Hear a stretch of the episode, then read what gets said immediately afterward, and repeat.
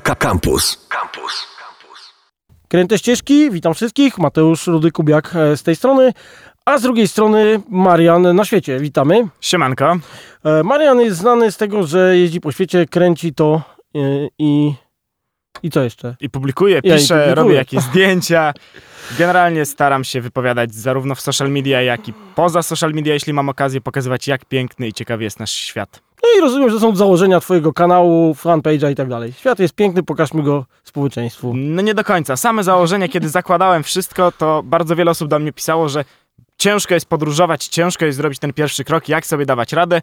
Takie miałem założenia, kiedy zakładałem kanał na YouTubie, fanpage na Facebooku. No i po dwóch, trzech latach mam wrażenie, że te pierwotne założenia zrealizowałem. Coraz więcej osób do mnie pisze, że, że rzeczywiście dzięki wskazówkom sami wyruszyli, sami odkryli coś ciekawego i w tym momencie jakoś ta misja kanału ewoluuje. Czyli właściwie mamy taką samą misję, bo misję, e, misją audycji Kręte Ścieżki jest ruszcie swoje cztery litery, gdzieś pojedźcie. Także potem się okazuje, że to jest całkiem łatwe. Dobra, pogadajmy sobie z licznych Twoich podróży. Yy, Mówmy się, że nie dałoby rady w pół godziny o tym pomówić. O Azji Środkowej. Przez jakie kraje, powiedz, jechałeś? Ostatnia moja wyprawa do Azji Centralnej skupiała się na Kazachstanie, ale tak naprawdę przede wszystkim na Uzbekistanie i Tadżykistanie. Zajechałem także do Kirgistanu. W Kirgistanie byłem już drugi raz, w Kazachstanie bodajże piąty, no ale właśnie Uzbekistan i Tadżykistan byłem w tych krajach po raz pierwszy i dlatego na nich najbardziej się skupiłem. Zresztą mam wrażenie, że to są kraje może nie najbardziej ciekawe, ale na pewno najbardziej interesujące z całej Azji Centralnej. Dobra, od razu powiedzmy, dokąd y, mamy wizy, a dokąd nie mamy teraz, bo to ostatnio się pozmieniało.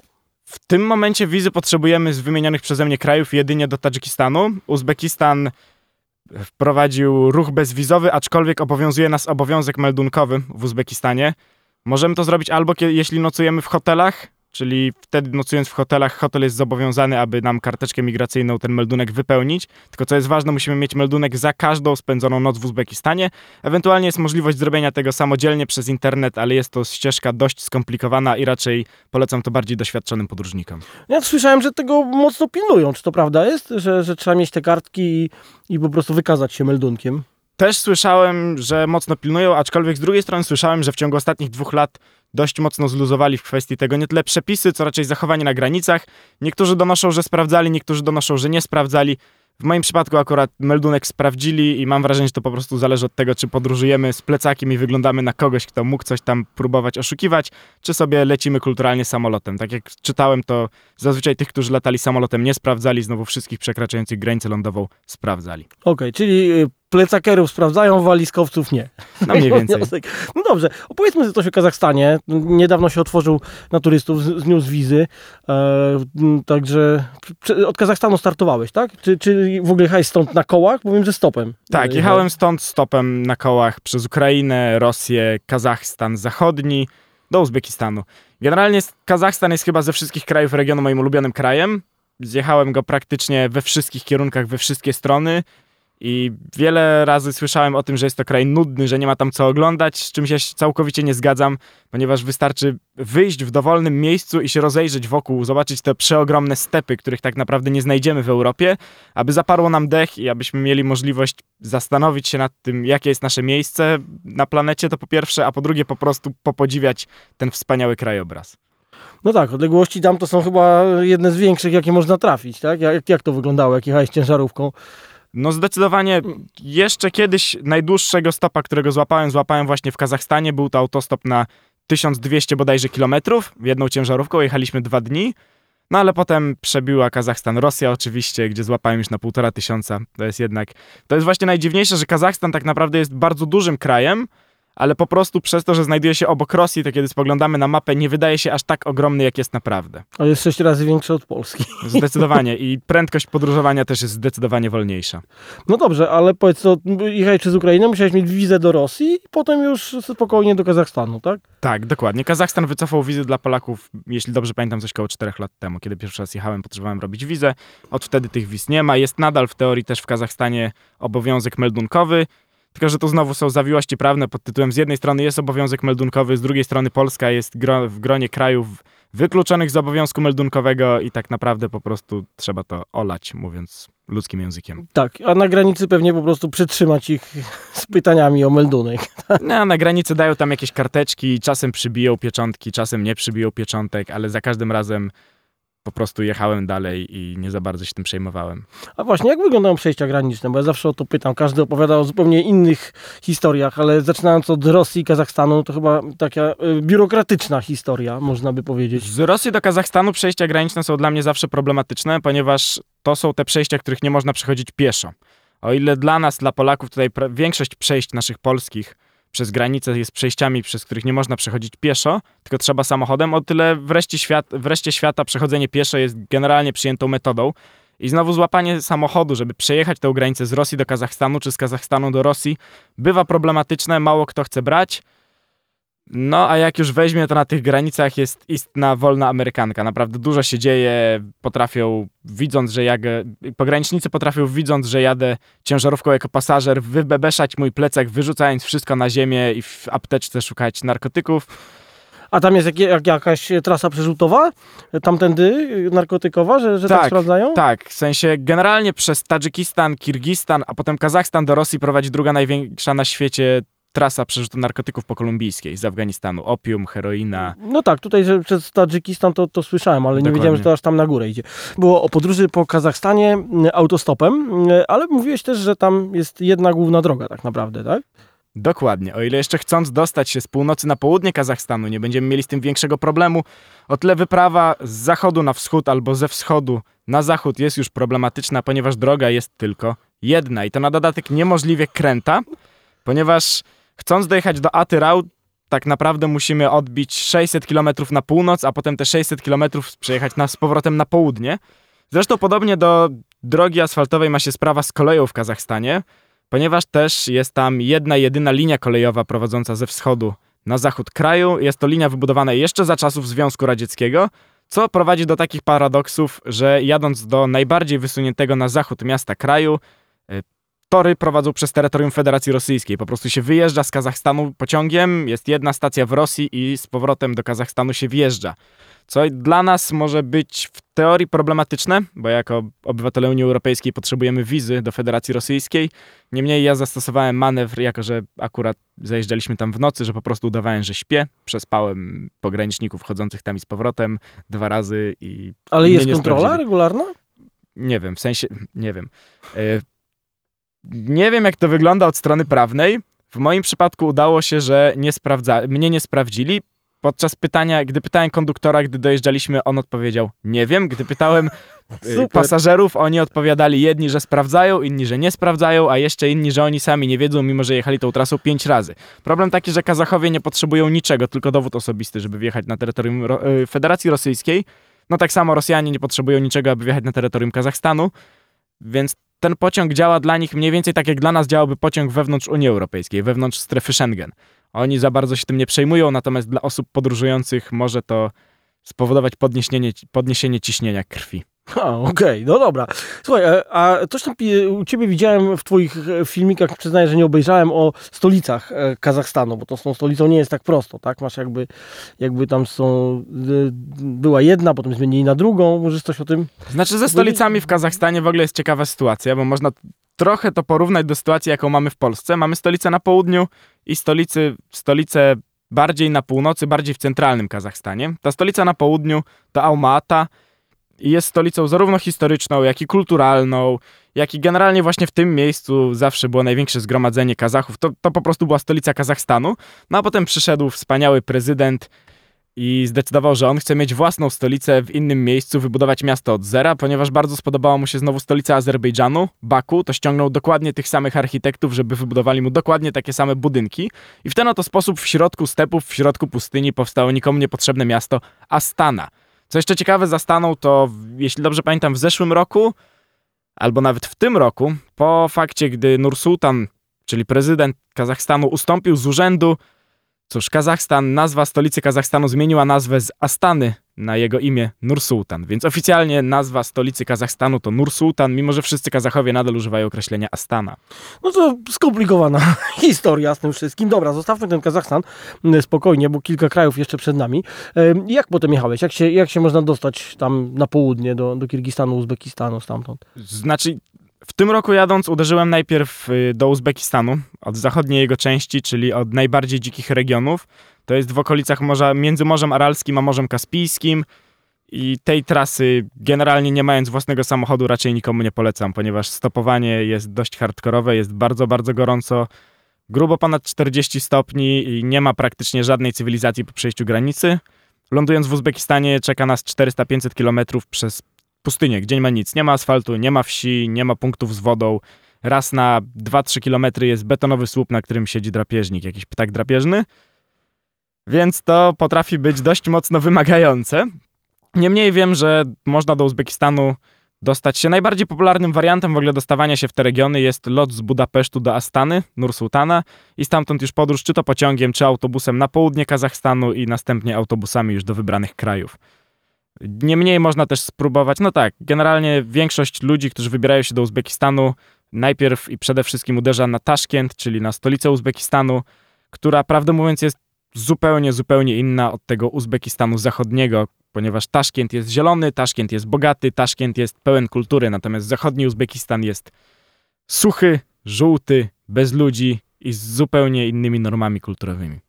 No dobra, to kto tam mieszka w takim razie? Też e, e, Uzbecy, czy tam jakieś inne narodowości się wkradły, czy po prostu inaczej, mm, inna mentalność? I inna to? mentalność wynika trochę z innego klimatu. Wynika też z tego, że tereny te historycznie były terenami Kazachstanu, a jeszcze, żeby było ciekawiej, jest tam tak, że coś pomiędzy narodem a grupą etniczną, której niestety nie jestem w stanie wymówić nazwy Karakapałowie, jeśli dobrze to wymawiam.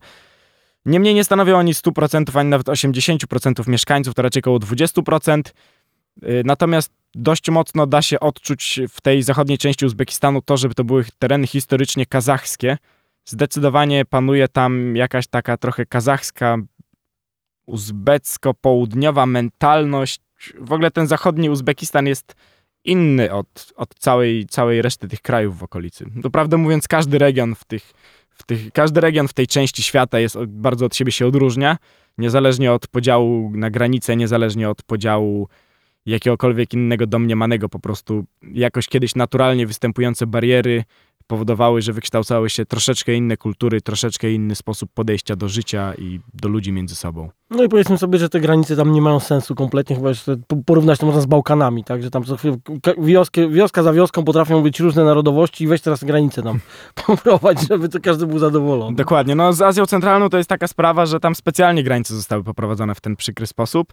Jest to rozwiązanie Stalina, który no, doszedł do wniosku... starożytnych Rzymian, tak naprawdę. Żeby tak no. podzielić Tadżykistan tak. Nie, nie, nie. To, to, żeby dzielić po prostu, dziel i rządź. Tak? A, no tak. Podzielone kraje, to tak. łatwiej to wszystko za tak, przysłowiową tak. mordy trzymać. Dokładnie. No, znane założenie, lepiej, żeby walczyli ze sobą niż z rządem centralnym. No, dokładnie. Dobra, ale to powiedzmy sobie dalej, no 500 km przez pustynię, mówisz bez asfaltu, to ciekawie. Co tam jest jaką pierwszą jakąś e, ostoją cywilizacji od tamtej strony, jak wiesz? Tak naprawdę Pierwsze, do czego się dojeżdża, to już aglomeracja miasta Nukus, jakieś tam małe wsie w okolicy, ale to jest tak naprawdę już tuż przed miastem. I dojeżdżamy właśnie do Nukusu, czyli do stolicy tego obwodu. Obwodu tak naprawdę największego w Uzbekistanie i do miasta Nukus, w którym nie ma nic. Znaczy są jakieś budynki, które się budują, są jakieś bazary, nie bazary, wszystko się buduje, ale generalnie cokolwiek tam załatwić, to się załatwić tego nie da. Ja tam spędziłem kilka dni, ponieważ walczyłem z tamtejszym Owirem, czyli wydziałem, urządem do spraw migracji właśnie po to, żeby załatwić tą karteczkę migracyjną, meldunek dla siebie. Niestety mi nie pomogli, bardziej przeszkodzili niż pomogli. Ale jak to się skończyło? Ja załatwiłem przez internet. Znalazłem po prostu kogoś na couchsurfingu, kto mi z tym pomógł.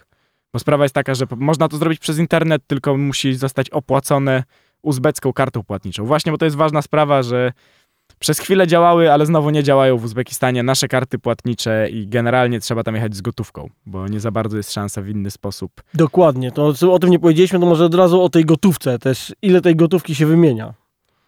Ja na początek, ja nie pojechałem z gotówką. To przyznam szczerze, nie pojechałem z gotówką, bo ja gotówki nosić nie lubię i wierzyłem, że jakoś mi się uda i rzeczywiście udało mi się dwa razy w Uzbekistanie wypłacić pieniądze. A ile brać, to jest bardzo ciężka sprawa, nie, ponieważ... Opowiedz o tym wymienianiu, na jakiej ilości pieniędzy tam się wymienia. Ogromne. W sensie kumpel mi opowiadał, że kiedy on był, to pojechał z kosmetyczką na pieniądze. Ja rzeczywiście, kiedy wymieniłem 200 zł, które myślałem, że wystarczy mi na takie pierwsze płatności, a starczyło, jak się okazało, na połowę pobytu w Uzbekistanie, czyli na, no, tam półtora, dwa tygodnie, to no upychałem te pieniądze wszędzie, w sensie upychałem je po kieszeniach, upychałem część w plecaku i tak naprawdę największy jednak dla mnie problem był z płatnością, ponieważ ktoś chce na przykład, żebym zapłacił 11 tysięcy i teraz ty kolekcjonujesz te 11 tysięcy z 500 tysięcy, 2000. Ten najmniejszy banknot jaki miałem to było 200 i on jest praktycznie bezwartościowy. A tam mniej więcej cena, nie wiem, e, kebaba, szaszłyka na ulicy, nie wiem, butelki piwa, jak to wygląda? Generalnie jest tanio. Tak pamiętam, że w Nukusie, kiedy jadłem obiad na bazarze w takiej szaszłykowo-kebabowni, to za pełen obiad, czyli tam dwa czy trzy szaszłyki z jakimś chlebem i napojem zapłaciłem około 7 zł. E, Uzbecy słyną z tego, że są świetnymi kucharzami. Jak ty to e, widzisz? Zdecydowanie w całym Związku Radzieckim, byłem Związku Radzieckim, Uzbecy są uważani za najlepszych kucharzy. Ja nie do końca rozumiem dlaczego, ponieważ moim zdaniem kuchnia uzbecka jest bardzo skromna, bardzo prosta i bardzo ograniczona. Tak naprawdę jedzą mięso, chleb, cebulę i melony w różnych kombinacjach, czy to pod postacią szaszłyków, czy to pod postacią plowu. I okazuje się, że kiedy rzeczywiście mam możliwość spróbowania tego, zjedzenia drugi dzień w ten sposób stołowania się, trzeci to jest super. Problem zaczyna się, kiedy już musimy się stołować w ten sposób drugi tydzień, trzeci tydzień i naprawdę poważnie tęsknimy za warzywami innymi niż cebula. Ewentualnie ziemniaki, które też wcale nie są super tam popularne. Z drugiej strony zdziwiło mnie dobranie w Uzbekistanie, sposób jedzenia śniadań w Uzbekistanie, ponieważ akurat trafiłem na sezon melonowy i każde praktycznie moje śniadanie było złożone z melona, ale żeby nie było, że są tacy nowocześni, zdrowi, jedzą tylko owoce na śniadanie, no to tego melona zawsze zagryzają chlebem. Czyli mamy danie złożone z chleba i melona na śniadanie, na kolację, no a na obiad to w zależności albo szaszłyk, albo jakaś inna forma szaszłyka. Ewentualnie szaszłyk z cebulą jeszcze występuje. Aha, rozumiem. No tak dla odmiany. Dla odmiany. Można też jeść plow. Plow jest da daniem złożonym głównie z ryżu, do tego mamy olej i jakieś kawałki marchewki i w teorii mięso na górze. Tylko prawda jest taka, że jest to danie dość tłuste, dość ciężkie i trzeba być jego fanem. Ja niestety pier po pierwszym uzbeckim plowie się pochorowałem w Uzbekistanie i jego fanem nie zostałem. No właśnie tego nie rozumiem. Tam jest tak gorąco, a oni mają takie tłuste żarcie do tego, nie? To jest dziwne. Strasznie tłuste, ale to wynika z ich kultury, ponieważ ich dania tak naprawdę zostały są ich dania narodowe są wymyślone w taki sposób, aby można było je przygotować prosto, szybko, w stepie, będąc koczownikiem. Dlatego dania złożone z ryżu i mięsa są dla nich czymś oczywistym, no bo gdzieś tam owce ze sobą mieli. Ryż łatwo przewieźć, prawda, łatwo, łatwo go trzymać, nie trzeba go konserwować, nie trzeba go trzymać w chłodzie i po prostu takie danie w dowolnej chwili można przygotować. No dobra, to powiedz, gdzie dalej pojechałeś? Mówiliśmy o tym y, Nukusie, gdzie nic kompletnie nie ma poza Owirem, czyli urzędem do zawracania głowy ludziom. I co dalej? Generalnie dalej udałem się na, na wschód Uzbekistanu, Odwiedzając jeszcze po drodze kilka uzbeckich wsi, tak całkowicie wsi, których nazw nie jestem w stanie wspomnieć, bo nosiły nazwę kołchos imienia kogoś, w której miałem możliwość pooglądania uzbeckiego życia, które prawdę mówiąc, zwłaszcza w tej zachodniej części jest niestety dość biedne. Ludzie żyją tam bardzo prosto.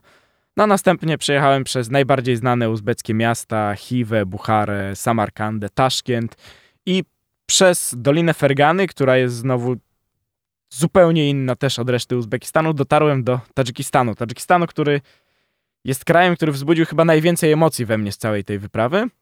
Zarówno pozytywnych, jak i negatywnych i postawił wiele moich tez i, i wiele moich y, podstaw, jakie miałem podczas podróżowania, pod znakiem zapytania. Zacząłem się bardzo zastanawiać nad tym, co sądzę o innych krajach, co sądzę o podróżowaniu i co sądzę generalnie o świecie, właśnie odwiedzając Tadżykistan. Tu sobie powiedzmy, że o ile e, poprzednie kraje, o których mówiliśmy, to e, mają języki tureckie, to Tadżykistan to już jest farsi, czy któryś z języków perskich w każdym razie. No, także kulturowo to trochę się zaczyna różnić. To jest bliżej właśnie Chin, trochę e, tego Afganistanu i, i tak to wygląda. No dobra, ale to gdzie byłeś, powiedz, w Tadżykistanie? Tadżykistan też przejechałem cały. Przejechałem go z północy od...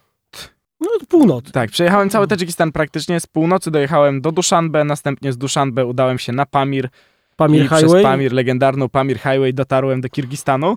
I tu też warto wspomnieć, a w nawiązaniu do tego, co powiedziałeś, że owszem, język tadżycki i generalnie kultura tadżycka różni się dość od kultury uzbeckiej, od kultury kazachskiej, tylko że znowu nie do końca pokrywa się, tak jak wspominaliśmy, z granicami Tadżykistanu. Zaczyna się dużo bardziej na zachód, jeszcze w Uzbekistanie i kończy gdzieś mniej więcej w połowie Tadżykistanu, ponieważ znowu w górach Pamir żyją przede wszystkim Pamirczycy, jest to zdecydowanie inny naród, mówiący innym językiem, mający zupełnie diametralnie inne podejście do życia i do świata niż Tadżycy.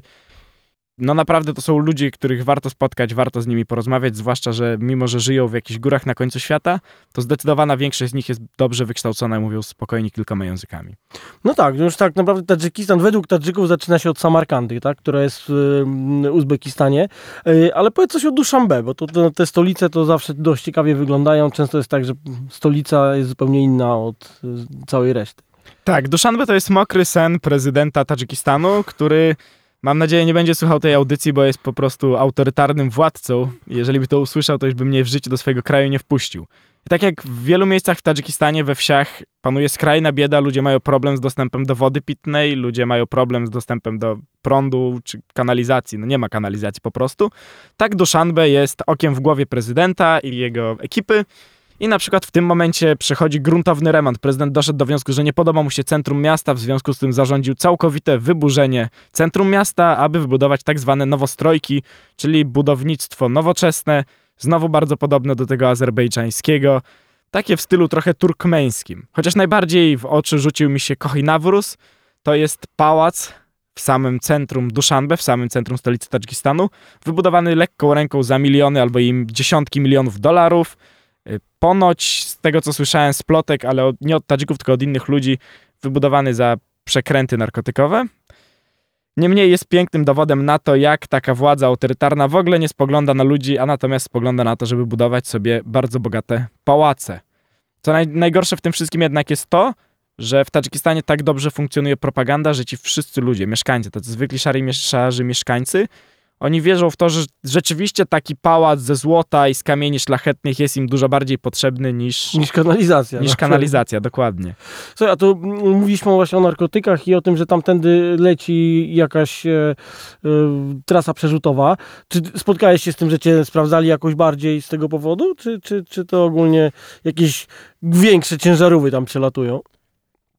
Sprawdzali mnie bardziej z tego powodu. Nie, generalnie kontrole narkotykowe przechodziłem kilka razy. Zazwyczaj to po prostu jest ktoś przechodzący z psem. Niemniej najgorszą sytuację miałem przekraczając granicę tadżycko-kirgiską, już kierując się do Kirgistanu. Jest tam oddzielny posterunek specjalnej policji, specjalnego wydziału do spraw walki z narkotykami. Co najlepsze, nie fundowany przez Tadżykistan, lecz y, wspólne, jest to wspólny fundusz Japonii i Stanów Zjednoczonych no i ten urzędnik stamtąd znalazł przesyłkę w samochodzie, którym jechałem stopem. To była taki problematyczny dla mnie, problematyczna dla mnie przygoda, więc yy, zdecydowałem się, że dalej na kirgiską granicę już z nimi nie zostanę, natomiast zostanę i nocowałem na granicy tadżyckiej, właściwie to pam, tadżycko-pamirskiej z Kirgistanem. No jest bardzo skomplikowane. Tam co najciekawsze, ta granica jest w miejscu, gdzie zupełnie nie powinna przebiegać ponieważ jest to znowu pozostałość po Stalinie i jest na wysokości 4200 metrów i mimo, że jest specjalny punkt do sprawdzania narkotyków, przemytu narkotyków, to niestety jest to zbyt wysoka, jest zbyt wysoko, żeby mówiąc po ludzku, działały psy do wykrywania narkotyków. W związku z tym psów nie mają, a po prostu jest pan, który otwierał różne schowki i ma nadzieję, że na coś trafi. No i akurat trafił. A w, w tym samochodzie, gdzie jechałeś, tak? I była tak, przesyłka? była przesyłka. Zresztą zdarzyło mi się też kiedyś w Kazachstanie tak, że kierowca ciężarówki, z którym jechałem, miał duże przesyłki. Tak po prostu, ale to nie znalazło nas, nie, nie zostaliśmy złapani przez kontrolę, tylko tak jakoś wyszło, że kiedy mnie wiózł stopem, to chyba dochodziło do transakcji, coś w ten deseń. Aha. To odważny facet, że cię jeszcze wziął do tego. No, on się dobrze bawił. Dobra, najważniejsze, żeby się dobrze bawić. Z tym zostańmy. Poruszamy się przez e, Stany, ale nie Stany Zjednoczone, tylko e, Kazachstany, Tadżykistany i tak dalej. E, I o ten Tadżykistan chciałem zapytać. Osławiona Pamir Highway, gdzie każdy po prostu, kto jedzie na motorze, czy samochodem, czy rowerem, musi tamtędy przejechać. A jak to stopem wygląda? Bo jeszcze nie, nie było nikogo u mnie, kto pokonywał to stopem. Stopem jest tam jechać dość ciężko. Zdarzało mi się stać, a właściwie to iść po 4-6 godzin i praktycznie żadnego auta na horyzoncie. O ile jeszcze ten główny fragment do Murgabu, czyli do stolicy Pamiru z Dushanbe, Jest, można jakoś przejechać, o tyle im głębiej w las, tym więcej drzew, za to mniej samochodów i jest coraz ciężej, coraz ciężej, coraz ciężej. I, I co? I, ale idziesz, nie ma samochodu? Jak, jak to wygląda? Zupełnie się nikt nie rusza? po prostu nie ma ruchu. W sensie, o ile jeszcze tam ciężarówki, raz na pewien czas jadą ciężarówki, które y, eksportują różne tadżyckie dobra do Chin, o tyle kiedy już rzeczywiście od, odbijemy na północ z Murgabu w kierunku Kirgistanu, te ostatnie kilkaset kilometrów, po prostu tam nikt nie jeździ, bo tam nikt nie ma po co jechać. Nie ma wsi, nie ma niczego. Ale to, po to... prostu nie ma niczego. No jeżdżą tam tylko podróżnicy czasem na rowerze czy na czymś. Funkcjonują jakieś prywatne półprywatne, półtaksówki dla ludzi, którzy mają ogromną potrzebę się tam przedostać, ale są bardzo, bardzo, bardzo drogie. Bo problem w tym, że z Duszanbe jest normalnie duża, dobra droga do Kirgistanu, tylko niestety przejście graniczne jest niedostępne dla obcokrajowców. W związku z tym wszyscy obcokrajowcy muszą jechać Pamir Highway i muszą, a Pamir Highway, zwłaszcza na tym odcinku, jest po prostu w dramatycznym stanie. W ogóle cała droga, cały Pamir Highway jest w nie najlepszym stanie, co jest też związane z sytuacją geopolityczną samego Pamiru, ponieważ no, nie jest on regionem, w który prezydent Tadżykistanu chciałby inwestować pieniądze, no bo ma z tym regionem po prostu polityczne, zresztą nie tylko polityczne, napięcia. No dobra, jak tam to wygląda? Bo Pamir jest e, autonomicznym regionem, tak? Pamir jest regionem autonomicznym, chociaż tak naprawdę obecnie regionem autonomicznym nie powinien być, ponieważ Pamir, a właściwie Górski Badachszan, nigdy nie wchodził w skład Tadżykistanu. I nigdy tam Tadżyków nie było. Po pierwszy raz w tych regionach z takich nam bardziej znanych państw pojawiła się, pojawiło się Imperium Rosyjskie podczas wyścigu kolonizacyjnego z Wielką Brytanią. Był wyścig o Pamir, kto pierwszy tam się dostanie. Tak, I... był tutaj Grąbczewski, potomek Grąbczewskiego ze swoją wyprawą słynną tam. Dokładnie. Gdzie, gdzie, jechali, opowiadał właśnie jak to wygląda. Dokładnie. I Rosjanie założyli właśnie Murgab, najwyżej położone miasto na terenie byłego Związku Radzieckiego i opanowali Pamir. Następnie, kiedy przyszła rewolucja, jakaś tadżycka komisja dogadała się z Komisją Związku Radzieckiego, właściwie to nie tyle Związku Radzieckiego, co nawet z Komisją Radzie Rosyjskiej Republiki Ludowej, żeby ten Pamir wydzierżawić. I dzierżawa doszła do skutku na, jeśli dobrze pamiętam, 70 albo 75 lat. No a potem przyszły lata 90., przyszedł okres, kiedy Związek Radziecki się rozpadł, a następnie przyszedł okres, kiedy w Tadżykistanie wybuchła wojna domowa. I Pamirczycy, widząc w tej wojnie domowej z jednej strony szansę na odzyskanie swojej utraconej niepodległości, jako że tak naprawdę nigdy od, od Tadżykistanu nie byli zależ zależni w historii, z drugiej strony dopatrując się tego, że po pierwsze okres dzierżawy mija, po drugie stron, które te dzierżawy, dzierżawę zawierały już praktycznie nie ma, przyłączyły się do opozycji. No i problem w tym, że niestety, niestety, niestety, dla nich niestety opozycja przegrała tę wojnę, co skończyło się dla nich, dla Pamirczyków bardzo niemiło. Zresztą oficjalnie stosunki między Duszanbe a Chorogiem są w porządku, natomiast prawda jest taka, że nawet w zeszłym roku w Chorogu, czyli w stolicy górskiego Badachszanu doszło do strzelaniny, właściwie, no tak, do strzelaniny pomiędzy siłami rządowymi a Pamirczykami. W tej strzelaninie zmarło, zmarło 300, w tej strzelaninie zmarło 100 osób. I z tego co słyszałem, jak mi opowiadali Pamirczycy, to w Chorogu są dzielnice, do których Tadżycy się po prostu nie zapuszczają. Bo taka jest prawda, że jedyni Tadżycy, którzy są na Pamirze, to są to albo policjanci, albo wojskowi, ponieważ te dwie funkcje nie są przewidziane dla Pamirczyków. Raczej nie mogą oni tam pracować, nie są po prostu przyjmowani na te stanowiska. Natomiast Tadżycy czują się bezpiecznie jedynie chodząc z bronią. Chociaż prawda jest taka, że kiedy widziałem te pojedyncze wojskowe oddziały gdzieś tam przemykające, czy po Pamir Highway, czy po Chorogu, to wcale nie wyglądali oni na super odważnych, wcale nie wyglądali na pewnych siebie. No ja też słyszałem, że tam byli tu ludzie, którzy spali gdzieś w jakiejś takiej strażnicy wojskowej i mówili, że tam oni się barykadowali na noc jakoś straszliwie i po prostu jakby na pełnym stand-by'u tam, tam spali, także... Natomiast świetnie z tym można zestawić znowu Pamirczyków, którzy żyją trochę sielskim życiem, za bardzo się nie przejmują. W sensie w Pamirze panuje bardzo wielkie zaufanie do siebie nawzajem i wiara w to, że będzie dobrze. Oni wyznają trochę inną religię niż Tadżycy. Oni mówią zdecydowanie innym językiem, Pamirczycy. I po prostu sobie żyją. Tam, okej, okay, raczej nie, nie będzie dobrze widziane, jeśli komuś wtargniemy na teren przez płot. Natomiast możemy być pewni, że po prostu jak tylko do kogoś zamachamy, to nas od razu zaprosi z wielką ciekawością i otwartością. Oni po prostu nie, są gościnni, ale nie lubią, gdy ktoś wchodzi do nich na podwórko nieproszony. No, to ciekawe. A spałeś tam u ludzi? Jak to wyglądało? Spałem, wielokrotnie spałem i Nawet w momentach, kiedy już nie za bardzo chciałem spać, bo miałem nadzieję na podreperowanie żołądka i zjedzenie zupki chińskiej jako czegoś bezpieczniejszego dla mojego żołądka niż znowu smażonej baraniny, która notabene w Tadżykistanie znowu jest bardzo niesmaczna. Mm, zdarzało się, że po prostu pytałem ludzi, hej siema, słuchajcie, gdzie tu mogę rozbić namiot? Na co oni prawie, że siłą albo jakimiś wymyślonymi argumentami, że tam, gdzie sobie rozbić namiot, to siedzą narkomani, wilki i jadowite węże, y, zabierali mnie do siebie do domu. Łącznie z tym, że doszło kilka razy wręcz do tego, że mm, tak bardzo już chciałem nie spać u kogoś, że mówiłem, że chcę spać w namiocie. Słuchaj, stary, ja tak bardzo lubię spać w namiocie, po prostu mam ochotę się przespać w namiocie, że mnie po prostu urabiali, żebym ten namiot rozbił u nich na podwórku przed domem. Co i tak na koniec, na koniec mówili, że może jednak nie śpi w tym namiocie, słuchaj, już rozbiłeś, posiedziałeś, to chodź do domu się prześpisz. Aczkolwiek z tą gościnnością rzeczywiście ludzie w tamtym regionie, w całym regionie Azji Centralnej są bardzo gościnni. Jest to super przeżycie aż do momentu, bo tak samo jak z jedzeniem, po jakimś czasie zaczyna to być problematyczne, ponieważ praktycznie człowiek, zwłaszcza w Uzbekistanie, nie ma zupełnie prywatności. I najbardziej tutaj kulturowo właśnie zbliżeni są do nas Pamirczycy, którzy rozumieją, że jesteśmy gościem, ale że mamy jakąś swoją potrzebę prywatności, jakąś swoją bańkę intymności. Natomiast zarówno Tadżycy, jak i Uzbecy zupełnie, zupełnie tego nie rozumieją. Przykładem niech będzie Tadżyk, który u którego nocowałem w drodze na Pamir i kiedy obudziłem się w środku nocy za potrzebą, on powiedział, że w ogóle nie ma szans, że ja sam pójdę do toalety, do wychodka właściwie. Poszedł ze mną do wychodka i mi do tego wychodka trzymał drzwi, kiedy ja walczyłem z ichniego, ichniejszą kuchnią po prostu. Z ichniejszą zemstą faraona. Tak.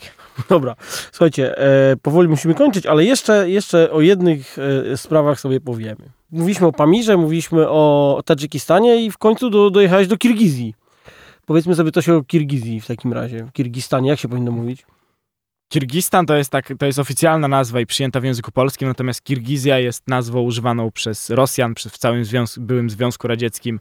Ja używam określenia Kirgizja i się spotykam z tym, że mówią mi ludzie, że już rzeczywiście wsiąkłem w tamtą mentalność trochę.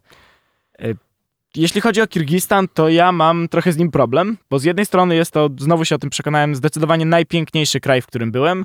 Z drugiej strony nie pałam ogromnymi emocjami do Kirgizów. Kirgistan najszybciej z całego regionu zobaczył, jaki można zrobić biznes na turystyce. To pierwsi znieśli wizy w ogóle. Tak, i bardzo się na tę turystykę przestawili. Tam bardzo często, kiedy łapie, łapie stopa, to mi mówią, że tylko za pieniądze, w ogóle bez pieniędzy to nikt mnie nie weźmie. Nie spotkamy się z aż taką gościnnością i generalnie jest bardzo takie nastawienie na pieniądz. Po prostu jest nastawienie na pieniądz.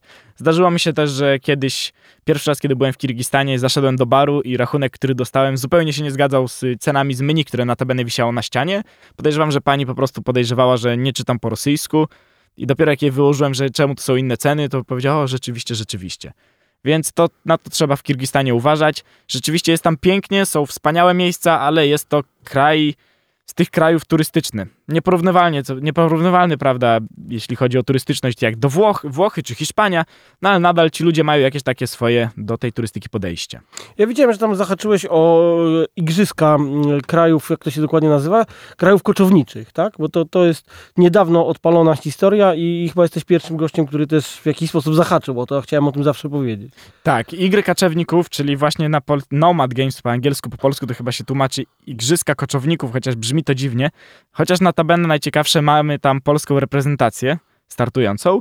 Są jakąś taką konkurencją dla olimpiady, tyle że w konkurencjach zdecydowanie koczowniczych, czyli mamy tam y, ichniejszy wariant gry w piłkę nożną polegający na jeździe konno i przechwytywaniu barana, truchła barana i wrzucaniu go do bramek. Y, mamy zapasy, mamy polowanie z różnymi ptakami, mamy wyścigi konne i generalnie takie koczowniczo kojarzące się zawody przeróżne. Strzelanie z łuku? Podejrzewam, że też się znajdzie. Trwają te zawody kilka dni i każdemu polecam je odwiedzić, ponieważ pomijając fakt, że są to zawody sportowe, to tak naprawdę najciekawsza w tym wszystkim jest otoczka, kiedy zjeżdżają się ludzie z tych różnych koczowniczych krajów i można, można zobaczyć, jak żyją, bo tak jak my rozbijamy czasem namiot na jakichś festiwalach, tak wielu z nich przyjeżdża na przykład z jurtami i rozbija gdzieś swoje jurty i przez te kilka dni w tych jurtach żyje. No właśnie, to wszystko można zobaczyć u Ciebie na kanale. Ja to właśnie sobie obejrzałem, więc może przypomnij w ogóle, gdzie zdjęcia Twoje i filmy możemy obejrzeć. Filmy można obejrzeć na YouTubie, Marian na świecie, natomiast fotografie i teksty na Facebooku. Prowadzę też Instagrama. Aczkolwiek Instagram jest bardziej takich codziennych spraw, więc zachęcam, czy, żeby go obserwować, czy to głównie kiedy jestem w podróży, wtedy jest na ciepło, na gorąco, natomiast jakoś taka wyższych lotów treść to zdecydowanie YouTube i Facebook. No dobrze, jeszcze tutaj miałeś jedną sprawę z wizami dla naszych słuchaczy, to bardzo jest pozytywnie może się mm, skończyć. Dokładnie, jeśli planujecie wyprawę czy w te regiony, czy w inne regiony, to możecie udać się do TB Alces i tam na hasło Marian na świecie dostaniecie 10% zniżki na pośrednictwo wizowe, co, no cóż, ucina, zdecydowanie ucina koszty podróży. A, a propos właśnie wizy, bo wiza rosyjska to wiemy około tam 25 euro, ale jak jest e, z wizą do Tadżykistanu? Wiza do Tadżykistanu kosztuje w zależności od tego, czy potrzeba pozwolenia na GBAO, czy nie, około 50 czy 70 dolarów. A załatwianie, sam proces? Ja to robiłem przez internet. Więc można to też zrobić przez internet. Proces to jest jakieś grosze w porównaniu do tego. Natomiast jeśli chodzi o cenę wizy do Rosji, to podałeś cenę jakąś, której nigdy nie słyszałem, bo są to ceny tak kilkukrotnie wyższe. Tak? To ile teraz kosztuje? Ja dawno robiłem ostatnio, szczerze mówiąc. Więc... No ja za wizę, która jest roczna, musiałem liczyć się na koszt półtora tysiąca złotych. No nie, no roczna tak. Mi chodzi o pojedynczą. Chyba je- 450? Jeżeli, jeżeli się robi samemu, to, to, to, to one e, były tam trzy- 30 euro plus e, ten, plus e, ubezpieczenie i Tak, problem jeszcze. jest w tym, że Rosjanie dali bardzo dużo takich opłat. Plus centrum wizowe, plus coś tam, coś tam, plus coś tam, plus coś tam. Po prostu tego jest taka masa, że ja, ja nie mam głowy, żeby za tym ganiać, prawdę mówiąc. No i tak, i dlatego to się najczęściej oddaje po prostu firmie, która, która to robi. Dobra, słuchaj, e, kończymy w takim razie. Przesłanie na koniec do społeczeństwa. Jakieś masz? Nie bójcie się, jeźdźcie. Nie. Jeździcie. I jedzcie, tak? Na Tak. miejscu. Dobra, słuchajcie, to był Marian na świecie. To, tak się też nazywają wszystkie kanały, e, e, gdzie można zobaczyć filmy, zdjęcia i tak dalej. Także po tym to znajdziecie.